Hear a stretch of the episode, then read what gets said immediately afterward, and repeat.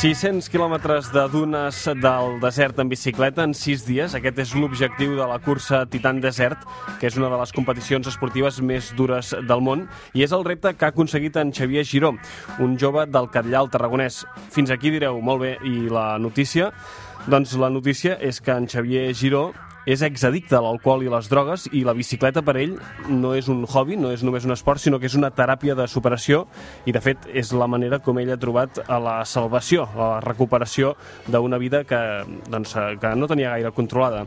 Xavier Giró, bon dia. Hola, bon dia. Com estàs? Bé. Mira, ara estava pensant, mentre et presentava, he tingut un moment de dubte, no sé si ho has notat, no sabia si havia de dir-te addicte o exaddicte, perquè sé que les persones que heu passat per situacions complicades en aquest sentit eh, sempre insistiu molt en que d'addicte d'alguna manera ho ets tota la vida, no? Sí, sí, la, la paraula és addicte. Jo quan me presento sempre dic, soc, em dic Javi i sóc addicte. Per tant, eh, exaddicte no, és un concepte que no existeix. No existeix.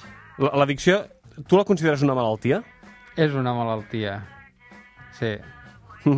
I um, creus que la gent és conscient? Tu ho dius amb, amb, amb molta seguretat, però clar, um, per la gent que no ha viscut um, o, o en primera persona o, o a algú del seu entorn la realitat d'una addicció, eh, potser ho viuen més com, com, com un problema, una manca de, de fortalesa, alguna debilitat, eh, que, que no pas com això que dius, no? com una malaltia. Sí, ja, el tema de l'addicció, clar, quan comences a consumir igual no, no es nota tant, però arri arriba un punt que això... que, que la malaltia no s'aguanta per enlloc, les mentides... És, és incontrolable, no es pot aguantar. Uh -huh. a, a què eres addicte, tu? Bueno, jo consumia eh, cocaïna i alcohol.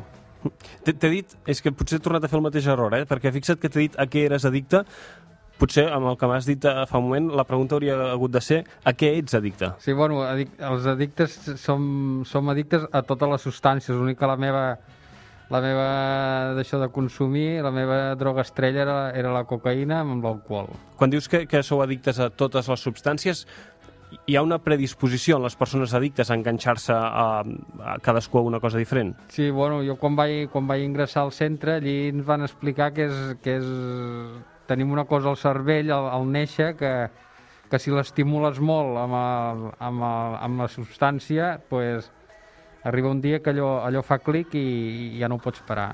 Per tant, hi ha addictes que mai no ho sabran perquè mai s'enganxaran a res, però aquells que en un moment determinat proven una substància s'hi poden, poden quedar enganxats.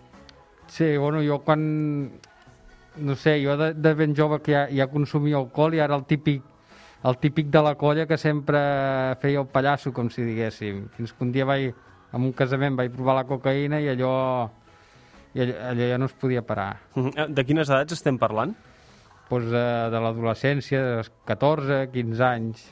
Clar, 14-15 anys... Eh, és una edat que la gent sí que a vegades doncs, una mica s'introdueix, sobretot amb, amb l'alcohol o amb les drogues. No sé si, si em permetràs parlar de drogues toves o, o, o em diràs que, no, les, que no hi ha... De... Per nosaltres les drogues totes són iguals. Però entén-me, eh? Volia dir, doncs, és, és l'època en què la gent doncs, potser uh, un dia fuma un porro o un dia s'emborratxa.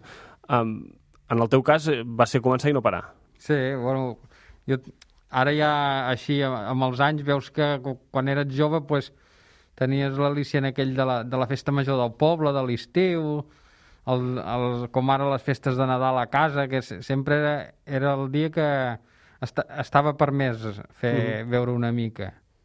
Has dit, has dit 14-15 anys. Clar, és una edat que, que hi ha per començar una, una barrera de, de, de diners, no? Perquè no és una edat que portis molts diners a la butxaca per estar amb segons quines addiccions.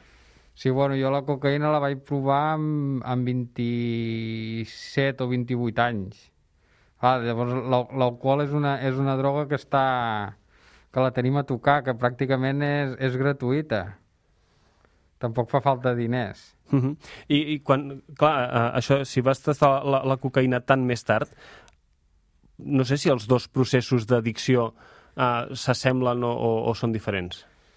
No, perquè llavors ja, ja, passes, ja passes a un altre nivell que és que com el tema de la cocaïna pues, ja t'entra el tema dels diners, ja, ja els has de robar, ja, ja has de, has de dir moltes mentides i, i tot per poder consumir. I el, el teu entorn s'adonava que passava alguna cosa o...? Home, jo quan, quan ho vaig explicar que va ser, va ser un, un 15 d'agost amb un dinar familiar de, que vaig desaparèixer, eh, clar, jo quan ho vaig explicar, ells, ells ja veien que, no, no, que passava alguna cosa, que no era normal el que me passava. I, I quin va ser el detonant per explicar-ho?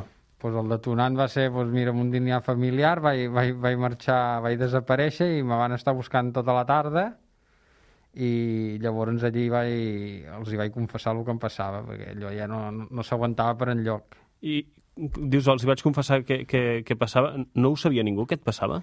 Perquè tu en aquell moment, si, si tinc ben entès, uh, estaves casat, Sí, sí, estic casat, sí, sí. Mm, no sé si tenies... Uh, sí, amb una nena. Tenies una nena sí, ja, sí, sí. tenies uh, uh, els pares... Ningú se n'havia donat que, que tenies uh, aquest problema? Eh, segons la nostra enfermetat, clar, és que manipulem tant que, que els del nostre voltant també, també estan com a... Com, també són, són, nosaltres som els addictes, però ells són els coaddictes.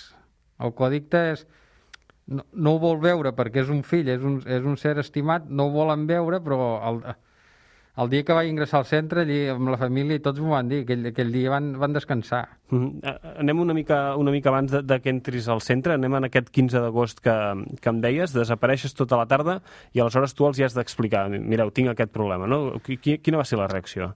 Sí, bueno, jo, jo tenia el del consum de, que portava de la cocaïna, doncs tenia, tenia moltes taquicàrdies i, i, i, i paranoies i, i doncs vaig estar em vaig, em vaig estar allí a casa va vindre tota la meva família eh, bueno, tots allí que me volien fer la maleta que marxés o, o confessava o m'explicava el que passava o, o tenia que marxar d'aquella casa fins que els hi vaig dir els vas dir tinc aquest problema, vol dir que, sí, tu, ho sabies, que tu ho sabies, que tu sí, n'eres conscient. Sí, sí, clar, dic, dic, me passa això i, i no ho puc controlar i, i hem de fer alguna cosa.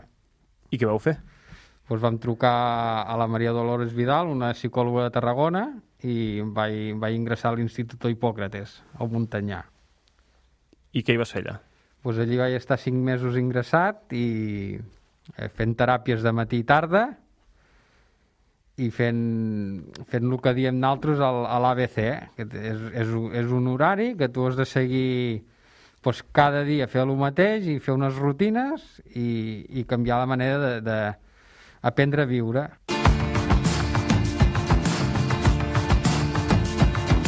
Va, em dius, eh, Xavier, que vas haver de canviar les rutines, que vas haver d'aprendre a viure. No, no sé com es fa per aprendre a viure, per, per aprendre a viure diferent, aprendre, a, com suposo que d'alguna manera el que estàs fent és reeducar el teu cervell per sí, saber sí. què passarà a partir d'ara i, i durant els pròxims o durant la resta de la teva vida, si tot va bé, no? Sí, tan fàcil com aixecar-se al matí sempre amb una hora concreta, doncs, rentar les dents, fer-te el llet, coses tan simples com aquestes que, que jo amb, amb 28 anys pues, no havia fet mai. Mm, tu, tu has de ser molt estricte amb aquests temes, has de, has de fer sempre exactament el mateix, eh, a cada hora despertar-te sempre... Sí, perquè allí, allí al centre, com que estem, estem en, en un ambient terapèutic amb altres companys, sempre hi ha, doncs, quan se fan les teràpies, doncs, si, si tu no segueixes eh, el que te toca fer, sempre hi ha el del costat que te diu, eh, que avui no has fet això. Uh -huh. I, I, clar, quan t'he presentat, t'he presentat com una persona que havia fet uh, dues vegades la Titan Desert uh, i, i tu l'esport el descobreixes en aquest procés de, de recuperació, no? Quin, quin paper hi juga? Sí, bueno, jo abans havia jugat, havia, havia jugat a futbol fins als 22 anys i llavors ja em, em vaig deixar molt, me vaig engreixar molt i a l'entrar al centre doncs una, una, una de les rutines era fer exercici. El matí fèiem de 9, de 9 a 11 fèiem, tenies que fer exercici sí o sí, o anar a caminar, o anar al gimnàs... Sempre aquelles dues hores era fer exercici, tant si volies com si no. I tu vas triar la bici? Bueno, allà al centre no, no podia triar la bici perquè no tenia... Clar, estàvem molt vigilats, no, no, no, no podia sortir a, a fer cap, cap, cap volta en bicicleta, però va, va, i tampoc podia perquè pesava 120 quilos i, i el que fèiem era, doncs anàvem a caminar. Uh -huh. Clar, jo he vist fotos teves d'abans i després de la recuperació. Clar, no sé si tu et reconeixes en, en les fotos d'abans, eh, o sigui, per mi, que no et conec, eh, les imatges són de dues persones absolutament diferents. Sí, co- costa molt, i, i de vegades veus allò alguna fotografia de moments, moments familiars que han sigut, pues, o casa, casaments, o el naixement de ma filla, o batets, i tens flaixos que el cervell és que no, no, no te'n recordes d'aquell dia. Mm. Eh, Et parlo de l'aspecte físic, però, però fins i tot d'un tema de, eh, de mirada, no? de, de, de, del que projectes. Sí, aviam, que ha aixecat al matí amb aquesta satisfacció de, de saber que tens la, la ment tranquil·la i, i despejada, és, és, això no té, no té preu. Uh -huh. um, clar, m'expliques uh, aquest centre que, que, te, que et va canviar la vida. Uh, aquests, aquesta mena de centres, no sé si, són, si n'hem de dir centres de desintoxicació, de rehabilitació, en tot cas, més o menys tots ens fem a la idea de què estem parlant. Això és, és, un, és un centre privat? Eh, dic perquè també hi ha un tema de recursos no? per, per poder-hi accedir. Sí, és privat. El que vaig estar jo és privat. I aleshores com va? Truques, dius que tens el problema i... Sí, vas allí, te visita una psicòloga i, i, i ingresses allí, ja està. Jo com que és que arriba un punt que arribes allí tan malament i, i, i tens tantes ganes de, de posar la teva vida en ordre que arribes allí i ja fas el que et diuen. Tot, tot, més, tot això més se va, se va encarregar la família, el tema el tema diners, el tema logístic, la família va arribar allí, me van portar una maleta amb roba i, i a fer cas.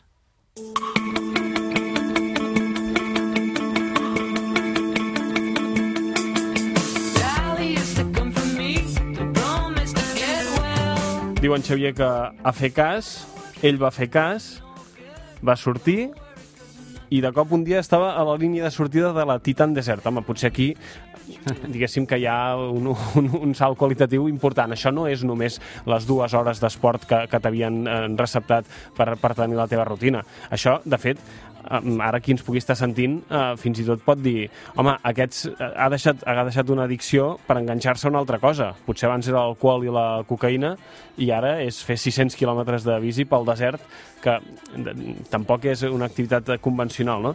Quan et diuen que, que l'esport, que la bicicleta també pot ser una addicció, fins i tot des d'un punt de vista químic, per les substàncies que, que segregues eh, quan estàs fent esport, tu com t'ho prens? Sí, ho aviam, tot... L'addicció, sí, és addicció. Jo me'n recordo al principi d'anar en bicicleta, doncs, jo ja estava aquí, i encara segueixo les teràpies aquí a Tarragona, i, i clar, per, per fer canviar la rutina de, del gimnàs i caminar per, per agafar la bicicleta, clar, demanava permís, tenia que demanar permís a la meva terapeuta i mica en mica me l'anaven deixant fins que un, un dia pues, pues, feia, em feia massa de bicicleta, com bon addicte em feia massa i la vaig tindre que deixar, me la van fer deixar una, una temporada i després hi vaig tornar i, i ja pues, sortia els dies que me tocaven, el dia que me tocava entrenar, entrenava i el dia que no, pues no.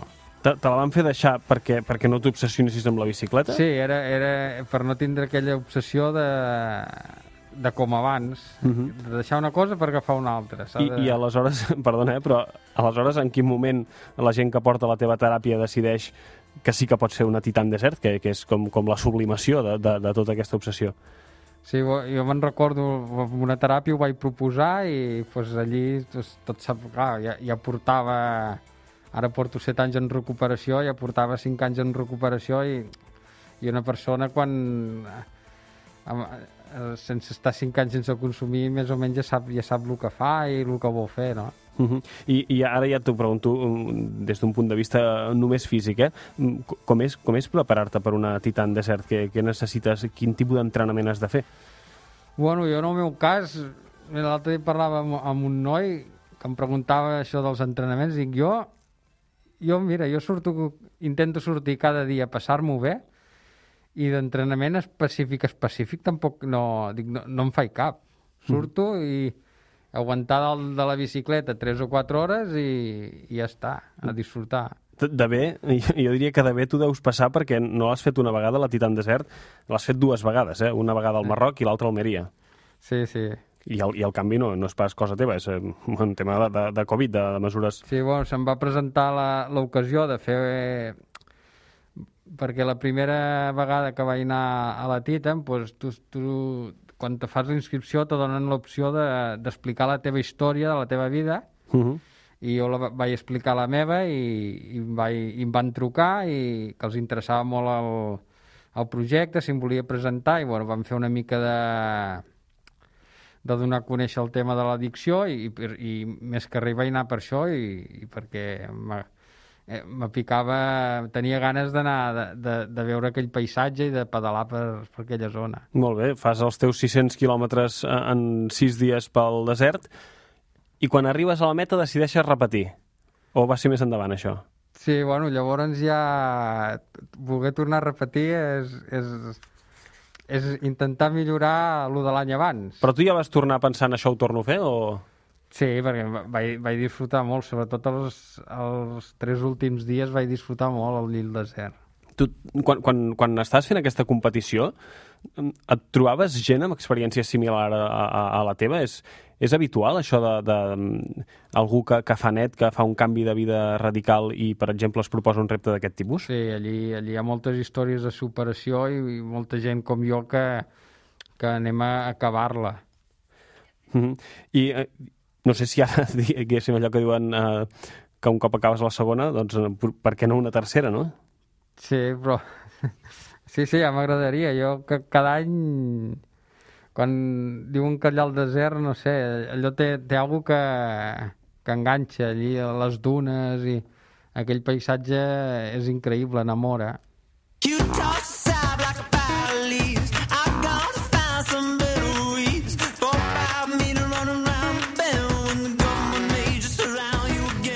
Som al suplement, som a Catalunya Ràdio, estem parlant amb en Xavier Giró, eh, que fa eh, set anys va fer un canvi radical de vida, va deixar l'addicció a l'alcohol i a la cocaïna i eh, tot aquest temps després, doncs, eh, ara avui ens està explicant aquestes dues eh, Titan Desert que ha pogut eh, completar i amb la perspectiva de, de tornar-ne a fer com a mínim algun altre. Eh, Xavier, clar, et, et parlava de fa cinc anys, de fa set anys, no sé com et veus d'aquí cinc anys, com et planteges el futur? Bueno, més, que res, no, no hi penses mai en el futur. Nosaltres sempre pensem en el, en el dia a dia i, i, i seguir, i seguir pues, el procés que estem seguint i sempre, i sempre pensant on no volem tornar. Uh -huh. O sigui, és, és un work in progress, eh? D'alguna manera tu consideres que encara estàs en aquest procés teu de rehabilitació. És una sí, cosa que... bueno, això és, això és de, de per vida. Uh -huh. Clar, he- hem d'anar acabant, eh, però jo, p- per acabar aquesta entrevista, m'agradaria... No, no et vull fer una pregunta, m'agradaria que parlé, segur que algú que ens està escoltant s'està sentint identificat en coses de les que ens estàs eh, explicant. M'agradaria que, que no em contestis a mi, que, que t'hi adrecis directament. Que, que, quin missatge donaries a algú que pugui estar passant eh, per un procés d'addicció que necessiti sortir-se'n, que vulgui fer un canvi de vida però que no trobi les eines? Clar, eh, un, un, un addicte en si, això, això costa de veure-s'ho, no, no s'ho veurà mai, però la família que, que envolta amb un addicte ja... És, és viure, és, és voler canviar de vida i no, i no, està, no està patint d'aquesta manera per una persona que, que no vol deixar mai de consumir. Uh -huh. Ah, Xavier, digue'm un propòsit pel 2021. No, no em diguis la Titan Desert, digue'm en algun altre. Ostres, aviam, en algun futur m'agradaria fer la, la Caipe Epic, però això són molts diners. En què, és, no, no sé què és, eh? en què consisteix? És una, és, és una carrera a nivell, a nivell mundial també que es fa a Sud-àfrica, En bicicleta, també. en bicicleta. De, com has dit que es deia? La Caipe Epic. Molt bé, doncs escolta, desitgem molta sort, que ho aconsegueixis, si no és aquest eh, 2021 eh, més endavant, però que algun dia ho puguis fer. Xavier Giró, moltes gràcies avui per estar amb nosaltres, amb el suplement. Moltes gràcies.